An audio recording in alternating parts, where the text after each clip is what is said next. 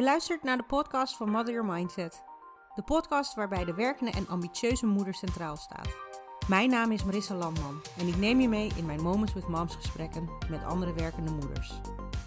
Want hoewel het moederschap wel een van de mooiste geschenken is in ons leven, hoeft het daarbij niet op te houden.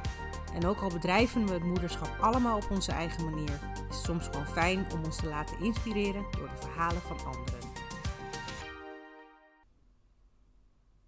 Hey lieve mama, wat leuk dat je vandaag ook weer luistert naar de Moments with Mom series. Vandaag heb ik een bijzondere gast in de series en dat is namelijk Ina Heijnen. Ina Heijnen is Birthlight Yoga docent en is ook een zelfproclaimed bedrijfsdoula. Met haar missie meer aandacht voor welzijn en werk ondersteunt zij vrouwen bij het maken van keuzes die bijdragen aan hun welzijn op het werk, maar ook daarbuiten. En daarnaast heeft Ina ook een boek geschreven met ervaringsverhalen over de combinatie zwangerschap, moederschap en werk, genaamd Spuug op je blouse. Nou hebben Ina en ik elkaar ontmoet in de tijd dat ik nog als consultant werkte. En toen de tijd was Ina ook werkzaam als yogadocente. Um, en was zij ook nog druk bezig met het opzetten van haar bedrijfsyoga bedrijf. Helaas is er tijdens die ontmoeting geen samenwerking ontstaan. Maar op toevallige en gelukkige wijze kruisen onze wegen elkaar nu wederom. In ons gesprek zul je meer horen over Ina zelf, haar ervaringen met het moederschap en hoe zij dit combineert met haar verschillende rollen. Ook zullen we het hebben over haar boek en waarom ik dit boek zeker aanbeveel aan werkende, dan wel zwangere vrouwen die nu luisteren. Dus, without further ado, hier volgt ons gesprek. Enjoy! Hi Ina! Hallo! Leuk dat we elkaar weer spreken na zo'n lange tijd. Ja, zeker.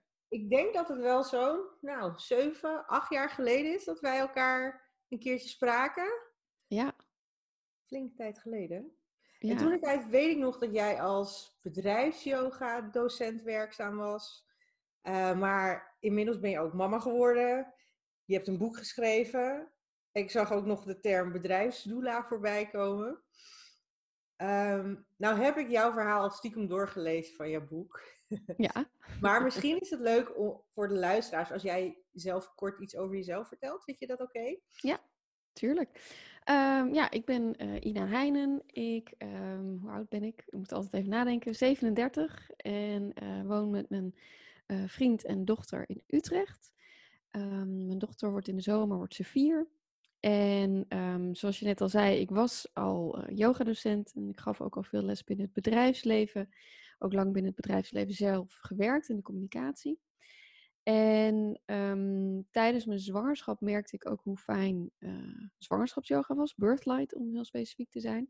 Dus toen mijn dochter er eenmaal was, heb ik ook die opleiding uh, gevolgd en uh, geef ik die lessen nu ook met heel veel plezier, zowel tijdens de zwangerschap als daarna. Mm -hmm. um, en eigenlijk in die zwangerschapsyoga lessen hoorde ik ook iedere keer allemaal verhalen van zwangere vrouwen, van moeders en um, waar zij mee worstelden. En dat waren ook heel vaak uh, de combinatie met werk. En omdat ik ook al wel vanuit het bedrijfsleven kwam en ook een achtergrond heb in meer um, organisatiewetenschappen, ging ik daar een beetje induiken. En toen kwam ik erachter dat er eigenlijk heel weinig over geschreven is. Uh, en wat er over geschreven is, zijn echt heel erg carrièregericht. Uh, maar ja, daar voelde ik zelf weinig uh, verbinding mee, zeg maar. Ik hoef niet per se CEO te worden van een heel groot bedrijf, maar ik wil wel gewoon werken. zoals heel veel vrouwen en heel veel moeders. en toen heb ik besloten om zelf daar een boek over te gaan schrijven. En dat heet Spuug op je blouse. Gaaf. Ja, ik heb het boek hier naast me liggen. Ik had bij jou aangegeven dat ik er pas door ging lezen als ik jou had gesproken. En dat is vandaag, maar ik ben stiekem toch er doorheen gegaan. Uh, nou, daar kunnen we het ook zo over hebben. Ja, ik ben heel benieuwd. Ja, nou zeker. nou ja, het doel van Moments met Moms gesprek is eigenlijk om ook gewoon als moeders met elkaar te connecten. Um, en ook van jou te horen hoe jij het ervaart als werkende moeder zijn en het proces daar naartoe. Um, ik denk dat dit wel een speciale aflevering is, omdat jouw boek zo aansluit eigenlijk ook bij het thema Moments with Moms, wat echt aan uh, gericht is op werkende moeders of aanstaande werkende moeders. Dus ik wil het ook wel echt even hebben over jouw boek. Dus ik denk dat ik hem ga opsplitsen. Dus okay. als van jou horen van hoe is het met jou gegaan hè, in het traject van moeder worden en dan ook om na de geboorte weer te gaan werken. Um, je bent ook ondernemer, je doet van alles. Dus hoe heb jij dat weten te combineren? En ik ben toch wel benieuwd ook of je, en of je daarna ook iets meer kan vertellen over dat birthlight en bedrijfsdoela wat ik voorbij zie. Ja. Want daar ben ik ook heel erg benieuwd naar. Maar laten we gewoon beginnen bij het begin. Ehm, ja, kan jij iets vertellen over je ervaring met moeder worden en ja, de mooie momenten, de uitdagende momenten? Ja. Uh, kun je daar iets over delen met ons? Ja, natuurlijk. Nou, ik denk dat het belangrijkste is dat je kunt je er eigenlijk niet op voorbereiden. Um, dat ik, ik ben zelf een enorme planner. En ehm, ook tijdens uh, de zwangerschap, weet je wel, je hebt dan al die honderden lijstjes en dat afwerken en het goed willen doen. En, um, maar ja, je kunt je nooit echt voorbereiden op hoe het voelt als je kindje eenmaal daar is. Dus dat is denk ik de eerste stap, dat het echt een soort sprong in het diepe is, uh, hoe goed je er ook op voorbereidt. Um, en mijn zwangerschap was eigenlijk ja, was heerlijk. Uh, ik voelde me goed, ik had weinig klachten. Um, ik was toen ook al ZZP'er en ik kon echt mijn eigen tijd um, indelen. Wat meteen ook echt een zegen was. Dat ik ook rust kon nemen op de momenten dat ik dat, ja, dat, ik dat nodig had. En wat ik merkte toen ik eenmaal moeder was, uh, dat ik moeite had om mezelf aan de kant te zetten. En dat is denk ik een van de grootste uitdagingen um, om daar een balans in te vinden. Dat ik voelde van ja, je wil alles doen voor je kindje. En je wil alles ook heel graag goed doen. Um, en tegelijkertijd heb je ook behoefte aan rust met jezelf, tijd met jezelf, tijd om jezelf eigenlijk opnieuw te ontdekken. Um, want ik wist ook niet meer zo goed wie ik nou eigenlijk zelf was. Mm. Um, ik, ik, ja, ik was altijd iemand die heel erg wist van nou, dit is wat ik wil. En hè, dan had ik een plan en dan ging ik dat plan gewoon uitvoeren. En toen ik eenmaal moeder was, dacht ik, ja, maar wat, wie ben ik eigenlijk nog? En wat wil ik eigenlijk? Um, dus daarin een balans vinden is voor mij echt wel een heel proces geweest. Ja. Hoe is dat gegaan, dat proces, dat balans vinden? Oh, dat is nog steeds. Mijn dochter is bijna vier, maar het is nog steeds steeds een proces, om heel eerlijk te zijn. En um, ook de acceptatie dat dus die twee dingen heel erg naast elkaar kunnen bestaan. En dat dat denk ik ook onderdeel is van het ouderschap. Dat je het ene moment je kind het liefst de hele dag wil knuffelen en wil vasthouden. En vijf minuten later denkt, ah, laat me met rust. Ik wil nu even alleen naar de wc. Um, en dat dat dus elkaar non-stop afwisselt. En um, ik denk dat, dat misschien sommige moeders daar makkelijker in mee kunnen gaan. Als je van nature misschien hè, wat meer go with the flow bent. Maar dat is voor mij echt iets um, ja, wat ik keer op keer weer uh, moet leren. Ja. ja, en voor iedere moeder is dat ook wel anders, denk ik. Um, als ik ook reflecteer en, kijk naar mezelf. En, en je noemde ook in, je, noemt in je boek ook, um, ja, wat is het, de, grijze wolk. En um, daar heb ik zelf ook wel heel erg mee te maken gehad. Waar ik ook al niet alleen het, het, gevoel miste van die roze wolk, maar ook inderdaad mezelf in de weg zat in het begin. Ja, ja. Ik heb een baby, maar ik heb ook mijn eigen behoeftes, maar ik weet niet wat ik wil. En daar echt wel een paar weken mee heb lopen pingpongen. Ja. Voordat dan ook echt die roze wolk uh, tevoorschijn kwam. Um, en je hebt inderdaad wat je zegt, dus moeders die daar heel natuurlijk instappen en al gelijk vanaf de geboorte helemaal uh, zen zijn en uh, in ieder geval zen lijken en alles in onder controle te hebben. Ja, en ik vind het ook heel mooi dat, dat je ook aangeeft dat het voor jou ook nog steeds een proces is. Ik moet je eerlijk zeggen, mijn zoontje is twee. Het is voor mij ook nog een proces. Ja. En um, ja, wat, je, wat ik ook mooi vind is, ja, het kan inderdaad in parallel of naast elkaar bestaan. Het, het een zondert het ander niet uit. Nee. Um... Nee, en ook iets wat, wat ik daarin ook nog steeds aan het leren ben, is. Um, en wat ik ook in mijn boek zo heb gevoeld, in al die gesprekken met al die moeders, is dat um, we mogen het onszelf ook gunnen. En dat is ook iets waar ik zelf heel erg mee heb geworsteld. Dat je ook denkt van ja, maar ik, ik kan nu toch niet tijd voor mezelf claimen of überhaupt vragen. Terwijl mijn partner me daar nooit um, een strobreed in de weg legt. Nooit. Uh, maar dat doe ik zelf. Omdat ik de lat dan te hoog leg en denk van ja, maar ik moet nu toch dit. Um, terwijl ja, het begint, weet je, en, en ook dat komt vaak in mijn boek terug, van dat ook meerdere experts zeggen van, hé, je moet eerst je eigen zuurstofmasker opdoen voor je dat bij je kind kunt doen. Je moet eerst voor jezelf zorgen voordat je voor een ander kunt zorgen. Ja. Ehm, maar dat is, e- ja, work in progress. Ja, ja en Ja. zo zal het denk ik ook altijd wel zijn. Ja, Ongeacht of je nou één, twee, twaalf kinderen hebt. ja, Iedere keer weer wat anders. ja. Hoe vond jij het in die periode dan? Hè, je bent dan moeder geworden en nou ja, met alle strubbelingen van dien. Hoe vond je het dan ook weer om na de geboorte op een gegeven moment te gaan werken? Ehm, je bent natuurlijk zelfstandig ondernemer, dus je hebt ook een beetje vrijheid om dat zelf te bepalen. Ja. Maar het lijkt me persoonlijk ook wel moeilijk om dan te zeggen van, nou, dan ga ik weer beginnen. Ja, ik had ehm, van tevoren bedacht dat ik ongeveer zes maanden in totaal eh, mezelf vrij eh, zou gunnen. Ook financieel eh, lukte dat. Ehm, dus dat zou betekenen, mijn dochter is in augustus geboren, dat ik zo vanaf januari weer, weer aan de slag zou gaan. En ehm, wat ik merkte was dat ik eigenlijk meer daarvoor al behoefte had aan weer ruimte voor mezelf. Dus gelukkig ehm, hadden we een crash op loopafstand, echt twee minuten lopen. En ik heb eh, geregeld, of we hebben geregeld, dat ze daar wat eerder kon gaan wennen. Dus in plaats van pas in december wennen en dan in januari anderhalve dag per week hadden we toen, eh, ging ze al in november.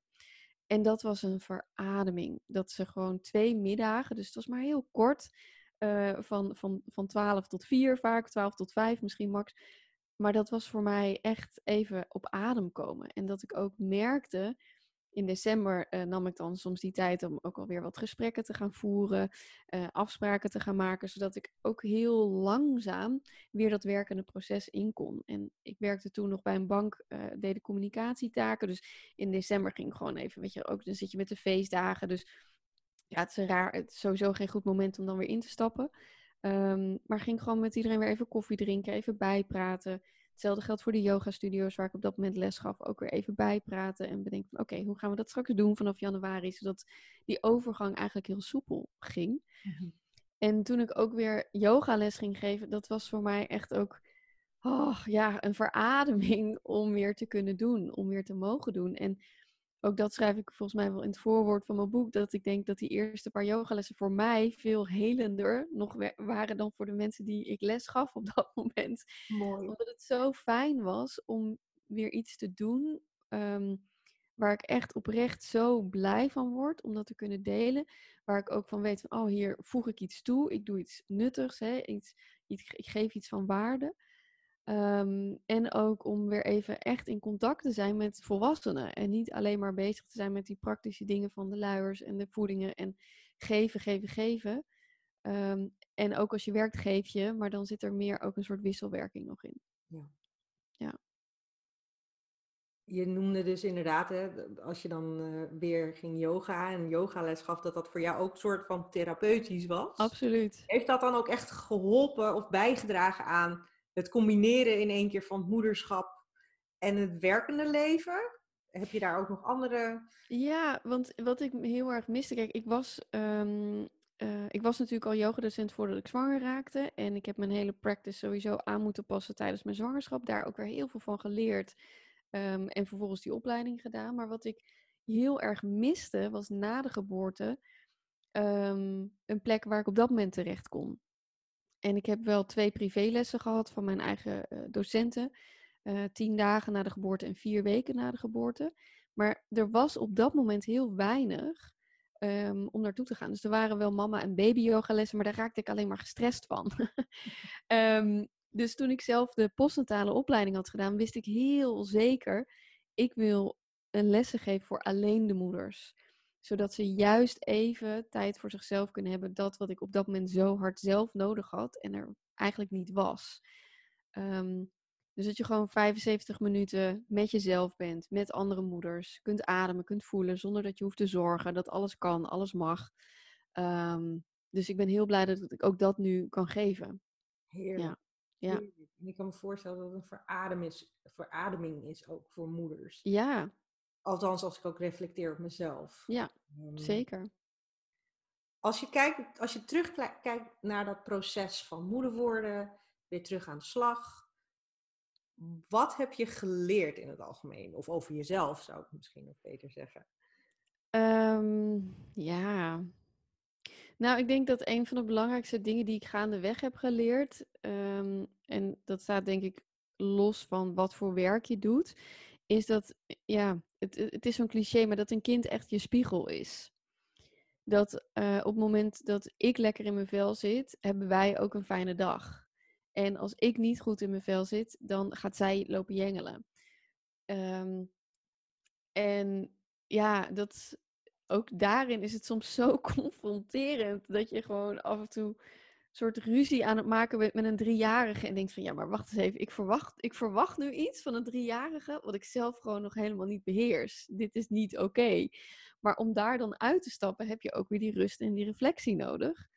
En wat dat betreft was de hele coronaperiode ook weer echt zo'n ja, zo'n heftige periode, denk ik. Waarin je dus niet. Mijn dochter gaat nu twee dagen naar de opvang en mijn vriend is één dag met haar. Ehm, en ik twee dagen met haar. Ja, dat die momenten van ontsnappen er eigenlijk niet zijn. Dat je dus continu of aan het werk bent uh, of Ehm, aan het zorgen bent. En, en dat het weer zo moeilijk wordt, terwijl we daar net een beetje een ritme in hadden gevonden van hè, waar zijn dan die momenten voor mezelf, dat ik weer daarin um, ja, daarnaar op zoek moest. En ja, dat is wel een hele mooie.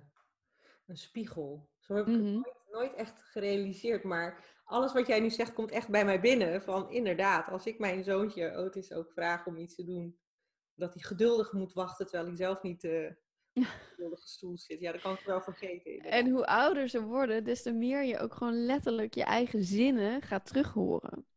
Dat als ik nu zie dat mijn dochter met een vriendinnetje speelt en dat ze dan zeggen: Oh, wacht, ik moet even mijn laptop pakken, want ik heb een boekbestelling.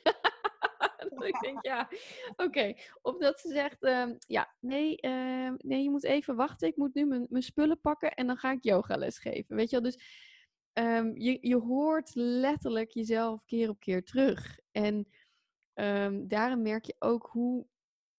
En ook dat is, is, vind ik soms ook, ook mooi en moeilijk tegelijk. Is dat je dus merkt hoe je voorbeeld ertoe doet. En dat wat je zegt ook echt binnenkomt bij een kind. En dat kun je ja, ten goede gebruiken. Weet je, ik zeg ook dingen tegen haar van water drinken is gezond. En uh, dat ik dan, als ik haar een glas water geef, dat ze ook zegt: Ja, mama, want water drinken is gezond. Ik zeg: Ja, precies. Dus weet je, je kan de positieve dingen planten, maar dus ook um, de stressmomenten en um, de, het ongeduld. En um, ja. ja, dus dat, ja, het is mooi en, en, en tegelijkertijd een grote verantwoordelijkheid. Ja, ja zeker. Maar ook als jij ook nu hebt over het voorbeeldrol als, en dan niet alleen met water drinken, maar als kinderen naarmate ze ouder worden ook zien natuurlijk dat jij als ouder, vader, moeder ook voor jezelf zorgt en mm. tijd neemt voor jezelf, zullen zij dat ook zeker mee gaan krijgen. Van ja. Dat zij ook voor zichzelf moeten gaan zorgen. Op een gegeven moment willen ze ook gewoon voor anderen kunnen zorgen. Ja. Dat is wel een mooie boodschap ook inderdaad. Van je bent het voorbeeld, zowel in het positieve als in het negatieve. Dus als zij zien dat jij niet goed voor jezelf zorgt, ja. zal dat ook op een gegeven moment terugkomen. Ja. ja, en daarin is ook als je het hebt over die spiegel, denk ik, is mijn dochter ook mijn grootste spiegel. Want tegen mijn partner kan ik heel makkelijk zeggen, luister, ik heb even wat tijd voor mezelf nodig. Ik, ga, e-, ik sluit me even op ergens en hè, geef me even een half uur. Maar dat kun je tegen een kind niet zeggen. Ehm, en en dat, vind ik, dat vind ik dan dus moeilijk. Dat ik denk, ja, ze, ik heb mijn grenzen, maar hoe ga je met die grenzen om met een kind? Ja.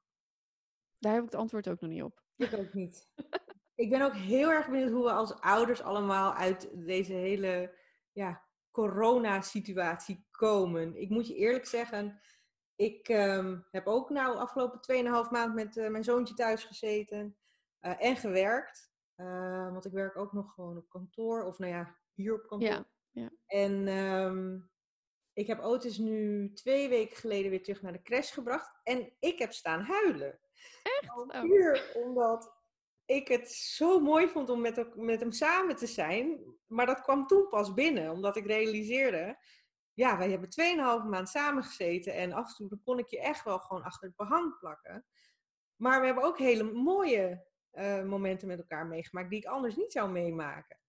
Um, dus ik ben benieuwd hoe dat ook is eh, geland bij andere ouders. Nu ze hun kinderen ook weer langzaam naar de crash en straks ook weer naar school brengen. Ja, nee, heel, bijzonder, heel bijzonder. En een hele bijzondere tijd, denk ik ook wel voor ouders zijnde. Ik denk Ja. voor iedereen, maar sowieso ook echt wel voor ouders. Ja, en ik denk dat daar ook wel een soort tweedeling nu ontstaat. En ehm, tussen mensen, ik hoorde bijvoorbeeld laatst ook iemand zeggen: Ja, oh, maar het is zo zalig en ik kan allemaal online gratis webinars volgen. En dat ik denk van ja, jij hebt geen kinderen. Jij hebt daar de tijd voor. En dat er wel een soort tweedeling is in die hele coronaperiode. Mensen met en zonder kinderen. En ik zag op een gegeven moment op social media ook zo'n fantastische post van mensen zonder kinderen die kunnen een nieuwe hobby zoeken, die kunnen meer yoga doen dan ooit, die kunnen, weet je wel, eh, gaan koken. En als ouder ben je blij dat je in je eentje naar de wc bent geweest. Dan is het een hoogtepunt van de dag. Dus, de, ja, dus het is zo'n verschil. Ehm, en ook qua werken, dat ik denk, ehm, je kunt ook van ouders die ook bijvoorbeeld, ik heb vriendinnen met bijvoorbeeld drie kinderen die op school zitten met drie verschillende lesprogramma's. Ja, hoe kun je die en je kinderen lesgeven plus je baan doen? Dat is bijna onmogelijk. Ja. En ook wel bewonderingswaardig hoe zij zich Ja. dag in dag uit eigenlijk eh, ja, voortbewegen en overleven als het Mhm. ware. Ja, interessant. Ik denk Ja. dat we daar een hele andere podcast ook weer over kunnen opnemen. Ja. Heb ik dat nu wel de laatste drie podcasts ook gezegd, maar er zijn zoveel mooie onderwerpen wat dat betreft nu dankzij corona die weer naar boven komen drijven. Ja, mooi. Oh ja, jij gaf in het begin aan inderdaad dat jij Birthlight yoga docent bent. En daarnaast ook bedrijfsdoelen. Maar ik moet je eerlijk zeggen, ehm, ik ben nieuw met beide termen. Dus misschien kun je daar iets over vertellen, ook voor onze luisteraars die daar niet Ja. mee in zijn. Ehm, nou ja, Birthlight zwangerschapsyoga is, ehm, het komt, eh, is opgezet door Françoise Friedman. Zij komt uit Engeland en zij heeft eigenlijk een soort heel breed, ehm, ja, soort oefeningen allemaal neergezet die eh, goed zijn voor moeder en baby. Dus het is niet zo dat je een standaard yogales hebt waarin alle elementen uit zijn gehaald die op dat moment niet meer geschikt voor je zijn. Het mooie van deze ehm, eh, vorm van yoga is dat alles in die lessen is er juist op gericht dat het goed is voor moeder en voor kind.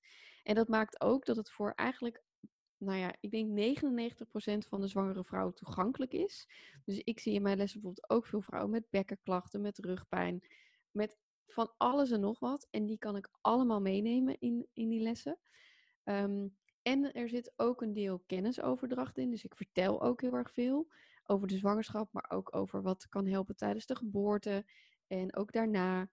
Ehm, dus het is veel meer dan alleen maar eh, fysiek. En eh, een ander aspect is bijvoorbeeld dat we het eigenlijk altijd in een cirkel doen als we bij elkaar zijn. Ehm, ook omdat ja, in een cirkel is iedereen gelijk en is het ook veel makkelijker om met elkaar te delen. Voelt ook vaak veel veiliger. Ehm, dus ja, het is een hele mooie manier, vind ik. En er zitten ook elementen in vanuit, vanuit de dans, vanuit eh, allerlei verschillende culturen. Ehm, ja, dus het, het gaat ook heel erg uit van de kracht, denk ik, van vrouwen. En dat ehm, het natuurlijke proces, dat, dat je daar weer mee in contact komt. Hmm. Kort gezegd. Ja. Gaan Maar doe een keer mee. Ja, Hoe ik, kan dat? ik zit al echt van, nou die moet ik op mijn to-do-lijstje zetten voor Ja. Want eh, Ja. ja, Want ik geef nu eh, twee keer in de week geef ik online een zwangerschapsjogales. En één keer in de week ook een postnatale yogales. Eh, en in die postnatale yogales gaat het ook weer, daar zijn zowel mama en baby yogalessen, maar die geef ik dan niet. Ik geef alleen voor moeders. Maar dan eh, vanaf zes weken is juist alles er weer gericht op om je lichaam te sluiten, te verstevigen. Eh, maar op een hele rustige manier. Want wat ik daarin ook heel erg vaak zie, is dat vrouwen heel snel weer terug willen naar hoe het was. Maar ja, je gaat nooit meer helemaal terug naar hoe het was. Dat hoeft ook niet. Ehm, maar daarin geldt ook weer wat geduld voor jezelf. eh, is op de langere termijn het aller, allerbeste. Eh, dus niet na zes weken denken, ik kan weer alles. Want je lichaam is na zes weken nog helemaal niet hersteld. Absoluut niet. Ehm, dus veel meer hè, de negen maanden op, negen maanden af. Dus uh, ja, ik zie vaak vrouwen in die postnatale lessen tussen de zes weken en ongeveer de negen maanden. Ja. Nou, ik heb twee dingen die ik dan moet gaan volgen in ieder geval. Ja, ja zeker. Ja. Dus dat, uh, dat is het, uh, zijn de Birthlight uh, yogalessen. En ja, het is dus um, om daar, om jezelf Birthlight docent te noemen, moet je ook ieder jaar weer bijscholingen, dingen doen. En um, ja, dus de, dat is, ik blijf daarin ook leren. Ja. wat ik heel fijn vind. Ja. Um, en bedrijfsdoula, dat is iets wat ik zelf heb bedacht. um, een beetje aan het einde van het schrijfproces van, uh, van Spuug op je blouse dacht ik van ja, wie ben ik nou eigenlijk? Um, met alle kennis uh, en, en, ervaringen die ik inmiddels heb opgedaan. Van wat, wat heb ik toe te voegen in dit brede spectrum? Want ik heb natuurlijk ook heel veel experts gesproken voor mijn boek. Um, van bedrijfsartsen tot um, miskraambegeleiding, tot mensen die van alles weten over IVF of inderdaad een postpartum depressie. En toen dacht ik, ja, eigenlijk wat ik nu al doe met mijn werk, ook als uh, docent, en ik geef bijvoorbeeld ook partnerlessen van hoe kun je je voorbereiden op de geboorte. En ik dacht, wat ik heb toe te voegen is juist in die combinatie met werk. Um, en toen kwam ik op de term bedrijfsdoula. Dus, en een doula is een vrouw die uh, vrouwen begeleidt tijdens de zwangerschap, de geboorte en ook in de postpartumfase. En dat doe ik eigenlijk ook uh, met de expertise van hoe doe je dat dan met je werk. Wauw, zo veelzijdig. Ja. maar wel mooi dat het allemaal draait ook ja, om het welzijn, zou ik zeggen, van, van de moeder, van de ouders, ja. partners. Ja, en dat is ook, dat was eigenlijk dat welzijn is altijd al mijn drijfveer geweest. Ook met uh, mijn bedrijfsyoga. Dat ik denk van, hè, werk speelt vaak zo'n belangrijke rol. De meeste moeders nu ook werken. Uh, de meeste zwangere vrouwen hebben een baan. Um, dus hoe je daarmee omgaat, is zo ook bepalend voor hoe je je voelt. En ook hoe je je daar gesteund voelt door een werkgever of een opdrachtgever.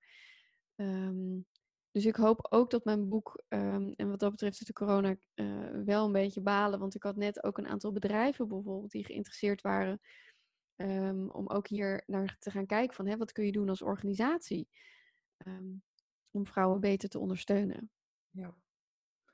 Nou, ik hoop dat, dat, uh, dat dit ook een oproep is aan bedrijven van luister hierna en ja. kan, dit soort gesprekken kunnen natuurlijk ook gewoon virtueel, maar ja, ja, laten we het gewoon over je boek hebben. Want ik denk dat dat ook heel mooi is, ook voor werkgevers met name om te horen, niet alleen moeders. Ja.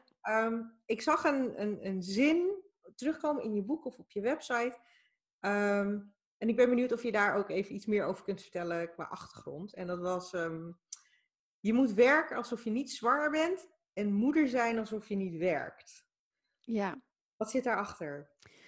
Nou, wat erachter zit is denk ik iets wat heel veel vrouwen ervaren dat tijdens de zwangerschap um, zijn de meeste vrouwen heel erg bezig met ik wil eigenlijk doorwerken alsof er niks aan de hand is. Alsof ik niet zwanger ben. Uh, ik wil geen zeur zijn, ik wil geen zeikert zijn. Er zitten heel veel angsten um, dat je als zwak wordt gezien. Terwijl er gebeurt zo ontzettend veel in je, in je leven, in je lijf. Je, je bouwt een mens, dat kost energie, dat vraagt aandacht. Um, je aandacht wordt ook letterlijk meer naar beneden getrokken, uit je hoofd, meer je lijf in. Um, en dat is voor veel vrouwen al een soort worsteling. Van op mijn werk probeer ik het heel erg vanuit mijn hoofd te doen en uh, ja, mijn lichaam, uh, alsof je dat pas weer om vijf uur uh, voelt. En voor sommige vrouwen is dat echt zo. Die voelen gedurende de dag eigenlijk niet dat ze zwanger zijn. Um, en ik denk dat dat iets ja, heel jammer is. En ook iets is um, wat niet bijdraagt aan het welzijn van zowel de moeder, maar ook van de baby. Want een van de experts die ik heb gesproken is ook Anna Verwaal. Um, nou, zij is in de geboortewereld echt ook een grote naam. Um, en zij zegt eigenlijk al voor de conceptie en ook tijdens de zwangerschap bepaal je al zoveel van hoe jouw kindje straks de wereld gaat ervaren of hoe je kindje ter wereld komt. Um, dus als jij een hele intense, heftige baan hebt, veel stress ervaart, dat heeft invloed op je kindje. Um, dus daar je bewust van zijn, helpt al. Um, dus dat. En ik denk ook dat zodra dan de baby er is, is er ook weer vanuit de maatschappij een hele sterke druk. Je, nu moet je weer aan de slag. En eh, voor heel veel vrouwen is 10, 12 weken veel te kort uh, om die transitie te maken. Lichamelijk, fysiek, uh, slaaptechnisch, op alle vlakken. En ook dan, dan kom je weer aan het werk. Nou, dan word je de eerste week waarschijnlijk honderdduizend keer gevraagd: hoe gaat het? Ja, het gaat wel. Nou, oké. En dan word je weer geacht om, um, om er te zijn alsof je nooit bent weg geweest. En terwijl je brein, uh, dat is waarschijnlijk een term die je ook kent, is je, je, je brein verandert. Uh, gedurende de zwangerschap en ook tijdens die eerste twee jaar van het moederschap. Dus dat is niet iets van die eerste zes weken. Dit is iets wat gewoon twee jaar lang is je brein anders per kind. Ik las ook ergens in je boek dat dat nog wel, wat, wat was het nou? Um, vanaf een aantal maanden tot een aantal jaar kan duren voordat je echt weer ja. jezelf bent, als het ware. Ja, en, uh, en omdat je gaat nooit meer terug naar het oude. Dus je moet echt die integratiestap maken, die transformatie doormaken. En voor de een gaat dat een stuk sneller en soepeler misschien dan voor de ander. Um, maar ook daarin zijn dus niet, is, is geen richtlijn van na een jaar ben je er weer. Nou ja, misschien wel, maar misschien ook niet. Uh, dus het is heel persoonlijk. En ik denk dat er ook heel weinig ruimte is um, voor die persoonlijke weg daarin. Zowel door de maatschappij, maar ook door vrouwen onderling. Dat er heel erg wordt gezegd van, oh ja, maar ik deed dat nog wel toen ik x weken zwanger was. Of, oh ja, maar ik ging al wel weer hardlopen toen ik zes weken was. Ja, maar dat wil niet zeggen dat dat ook goed is voor een andere vrouw. Dus ook daarin denk ik um, meer luisteren naar ons eigen lichaam. Dat serieus nemen, dat is ook een belangrijke boodschap. Dat je ja, echt mag vertrouwen op jezelf. En ik denk dat dat ook iets is wat heel veel moeders herkennen. Dat gaandeweg dat proces je meer en meer op je eigen intuïtie gaat varen. En dat dan dingen ook makkelijker worden.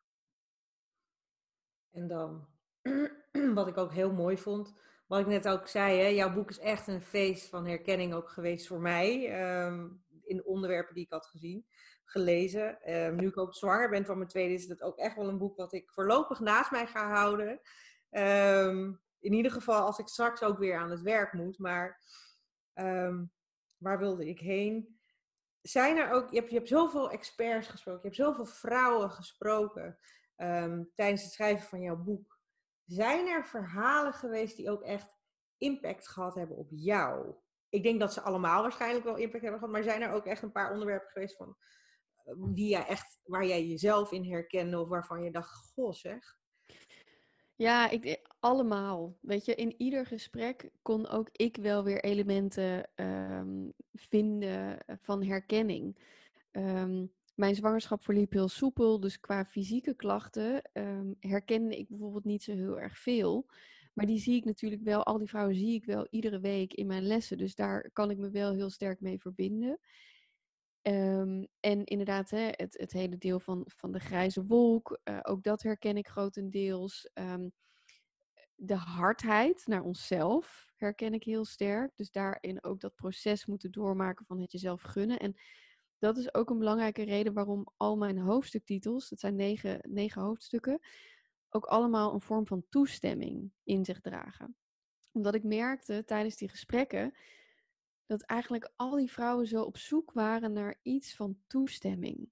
Toestemming om zichzelf te mogen zijn, toestemming om um, te mogen veranderen, om dingen niet alleen te hoeven te doen, om hun grenzen te mogen aangeven, om hulp te mogen vragen. Dus dat komt heel sterk ook terug in, uh, in mijn hoofdstukken. En ik heb daar ook echt het, uh, het woord moeten vermeden.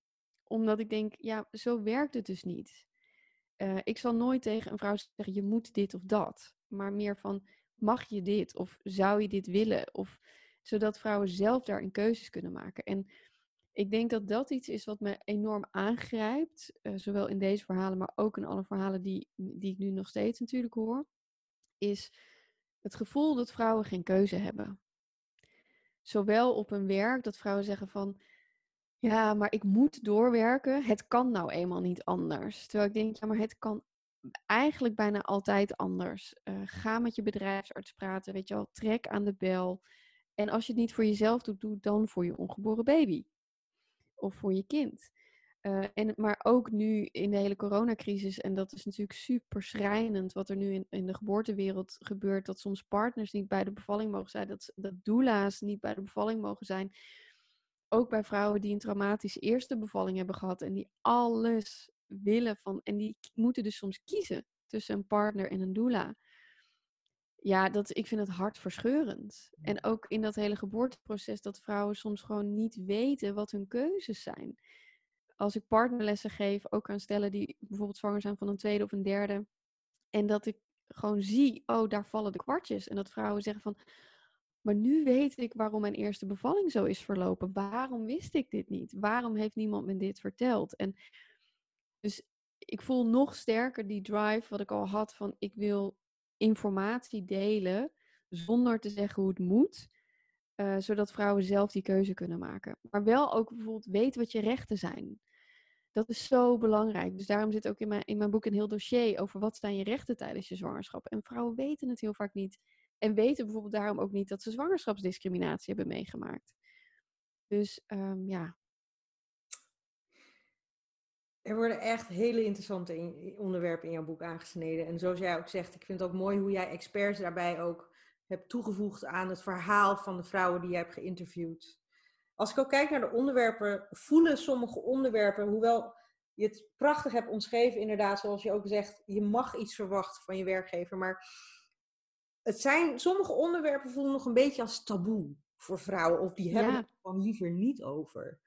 Ehm, ik zou gewoon bijna zeggen, ook al ben je niet zwanger, of je loopt al een tijdje rond als werkende moeder, zou ik echt zeggen: pak dit boek erbij. Het is voor jou, voor je vriendin. Uh, echt een, een, fantastisch boek. En um, nou ja, sterker nog, als ik nu denk aan alle HR-collega's met wie ik samen heb gewerkt, zou ik ook zeggen: jongens, dit is zo'n nuttig boek voor iedere vrouw die, die werkt of, al, of aanstaande moeder, werkende moeder is.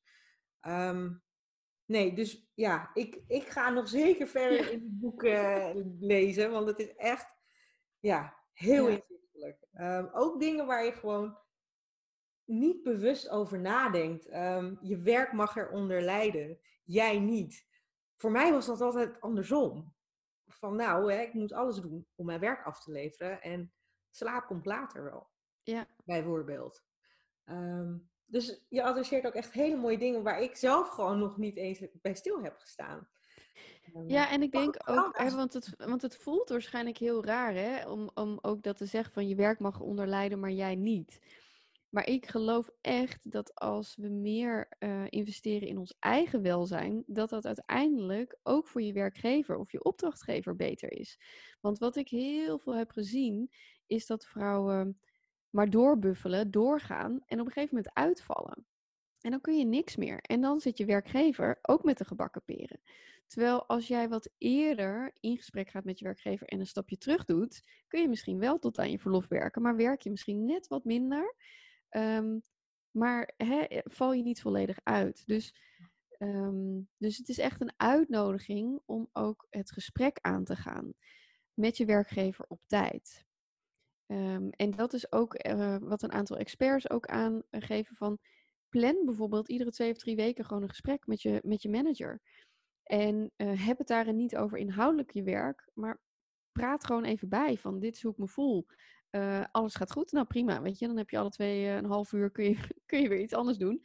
Maar stel dat je wel bijvoorbeeld enorme zorgen maakt om een 20 weken echo, of je hebt, je kindje heeft iets, of je hebt last van harde buiken. Weet je, bespreek het. Bespreek het. Ja. Ja. Een hele mooie uitnodiging voor alle vrouwen die uh, hier naar luisteren op dit moment en in verwachting zijn. Ja. Ik um, heb een paar favoriete passages eigenlijk al in jouw boek uh, aangevinkt zelf. Ja. Ik dacht, misschien is het leuk als jij uh, ook een, een stukje uit jouw boek voorleest wat voor jou een favoriet is. Ja. Um, ja, ik zie dat je je boek bij je hebt. Dus, uh... Ja, ja ik, uh, toen je me dat vroeg, dacht ik van, hè, ik wil ook wel uh, daarin iets persoonlijks delen. Want bij, bij ieder hoofdstuk heb ik ook mijn eigen inzichten opgeschreven. En um, wat ik ook belangrijk vond was bij het schrijven van dit boek, is de meeste moeders hebben gewoon weinig tijd om te lezen. Dus ook met de opzet van mijn boek heb ik daar rekening mee gehouden. Dus ehm, je hebt een interview, je hebt een expert, je hebt een stukje van mij. En die hoef je niet in één keer achter elkaar te lezen. Dus je kunt ook één hoofdstuk lezen of één interview zelfs. En dan leg je het gewoon drie weken weer aan de kant. En vervolgens lees je weer een ander interview, al naar gelang waar je in herkent. Um, dus misschien lees je wel niet het hele boek, maar haal je gewoon precies de stukjes eruit die jij op dat moment nodig hebt. Uh, en dat kan, zonder dat je de boodschap van het boek, zeg maar, uh, niet meekrijgt.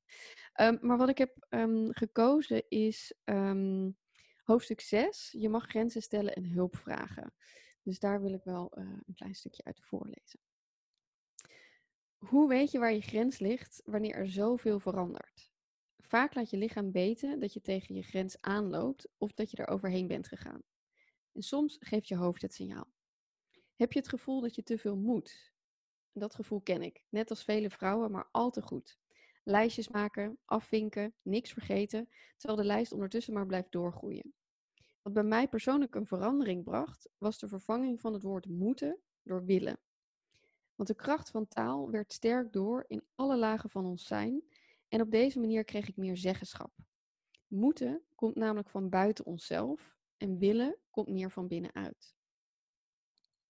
Dus dat is een eerste stukje. Ik kan nog wel uh, wat meer lezen als ja, je wil. Hoor, ja. Een tweede vraag die me inzicht heeft gegeven was: voor wie ben ik dit nu eigenlijk aan het doen? Bijna altijd was het antwoord omdat ik vind dat het moet. Niet iemand anders, maar ikzelf. En daarmee kon ik weer kiezen. Maak ik er iets van wat ik wil of laat ik het nu even voor wat het is? En op die manier veranderde mijn houding ten opzichte van mijn werk en mijn to-do-lijsten. Het was absoluut geen quick fix. Het kostte tijd en ik val nog steeds geregeld in die valkuil. Maar door simpelweg het werkwoord te veranderen in willen, is er meer veranderd dan ik zelf voor mogelijk hield. En tijdens de zwangerschap en het prille ouderschap kan het gevoel van moeten heel erg sterk de overhand krijgen.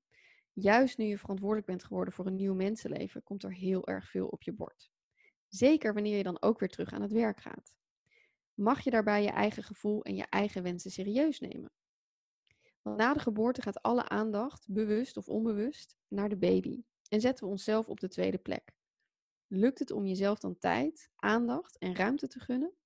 Om te bedenken wat jij nu eigenlijk wilt?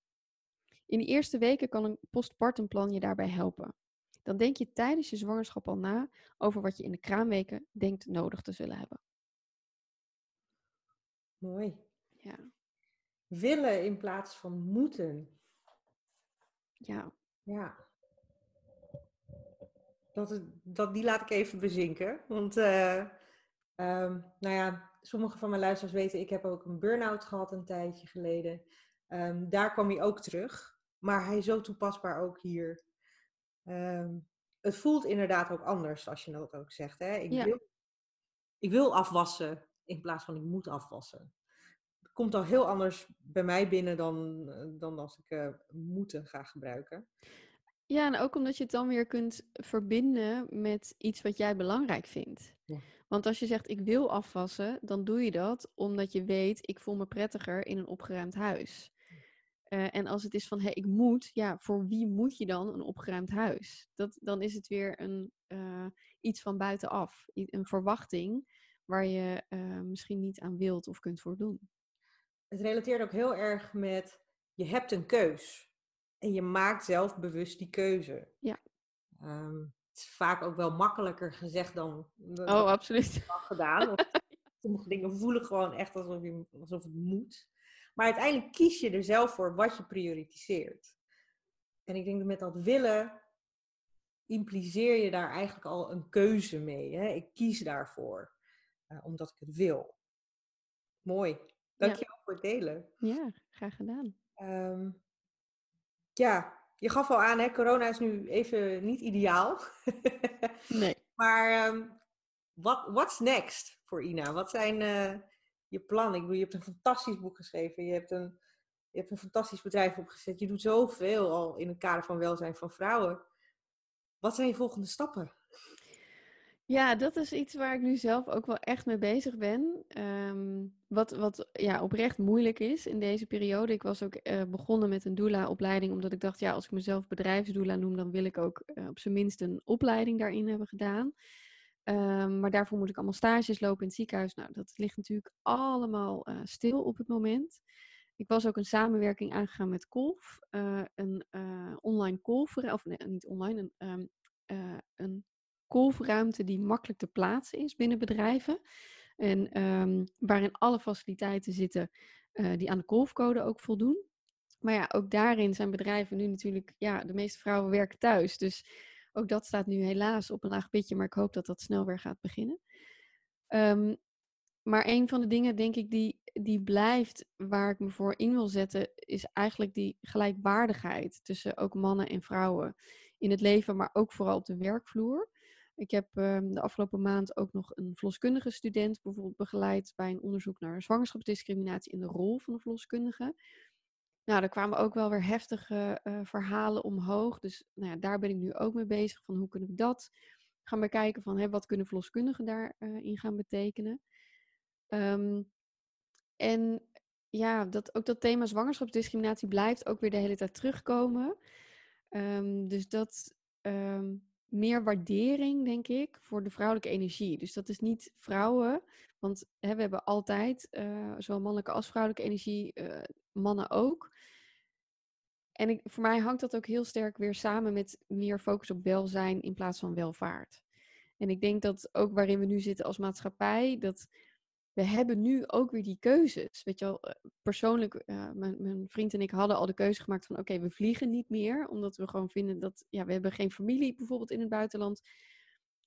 Ik kan dat niet meer verantwoorden als ik naar mijn dochter kijk om te zeggen van nou, ik ga nu een stedentripje doen. Eh, ik, ik, ik kan dat niet meer.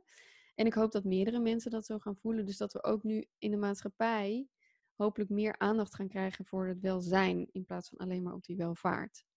Dus dat is iets waar ik me hoe dan ook, wat ik ook ga doen, um, ja, voor blijf inzetten. Mooi zeg. Ja.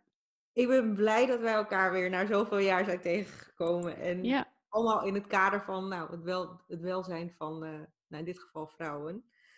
Um, we zitten bijna aan het einde van ons gesprek. Maar voordat we afronden heb ik nog wel twee vragen voor je. Eén um, is, wat zou jij aan werkgevers willen meegeven? In het kader van nou, jouw rol, je boek. Wat zou jij daar aan willen meegeven? Nou, ten eerste is dat sluit naadloos aan bij waar we het net over hadden.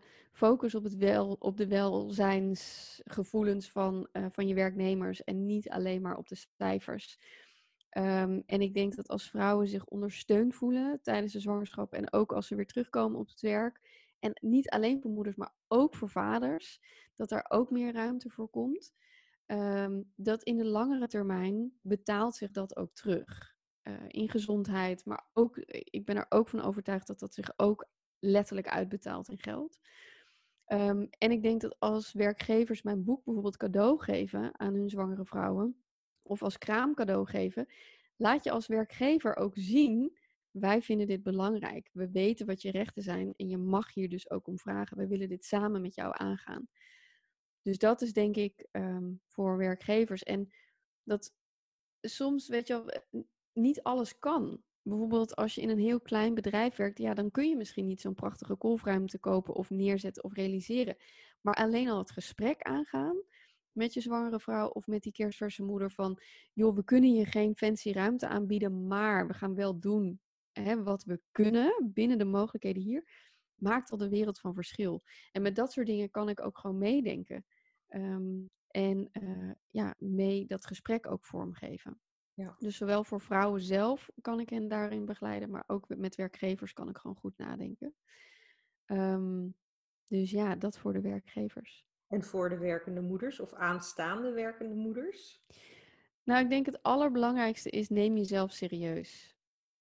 Um, dus als je klachten hebt, luister daarnaar. Want je lichaam probeert je echt ook iets te vertellen. Um, wat we vaak met ons hoofd misschien nog niet willen, maar ons lichaam geeft al die signalen. Dus luister daarnaar. En hoe eerder je dat doet, des te beter. Um, en gun jezelf ook wat je nodig hebt, maar ook waar je recht op hebt. Want vaak, zelfs al hebben we er recht op, vinden we het nog steeds moeilijk om te ontvangen. En ook dat is denk ik iets in onze maatschappij, en ook dat beschrijf ik in mijn boek. Geven is zoveel makkelijker dan ontvangen. Terwijl we hebben er niet voor niet, niet recht op. Je mag dit ontvangen voor je eigen welzijn, maar ook voor het welzijn van je baby en daarmee ook voor het welzijn van de hele maatschappij. Een hele mooie afsluiter, zou ik zeggen. Ja. Dankjewel, Ina. Graag gedaan. Mochten mensen ehm, met jou in contact willen komen, dan neem ik aan dat dat kan via jouw verschillende kanalen. Ja. Ehm, ik zal ervoor zorgen dat deze in ieder geval ook in de aflevering notities staan, zodat mensen in ieder geval weten hoe ze jou kunnen contacteren en ehm, waar ze jouw boek kunnen kopen. Het makkelijkste is via mijn website www.inaheinen.nl of uh, www.spuugopjebloes.nl. Kijk, lekker makkelijk. Goed, uh, makkelijk te onthouden ook. Precies. Um, heel erg bedankt. En ik wens je ook heel veel succes met je boek. En alles wat daar omheen ook nog gaat komen. Dankjewel. Um, ja, en wij spreken elkaar hopelijk snel weer. Ja, dankjewel voor eh, de uitnodiging en het mooie gesprek. Als je dit nog hoort, ben je aan het einde van de Moments with Moms aflevering. Ik hoop dat je genoten hebt en ook geïnspireerd bent door mijn gast. De Moments with Moms gesprekken zijn afgeleid van mijn Moments with Moms programma. Meer informatie hierover kun je vinden op www.motheryourmindset.com. En ook ben ik benieuwd naar jouw ervaringen, opmerkingen of vragen. Dus deel deze gerust op de site of via mijn Instagram pagina Marissa Landman. Bedankt voor het luisteren en tot de volgende keer.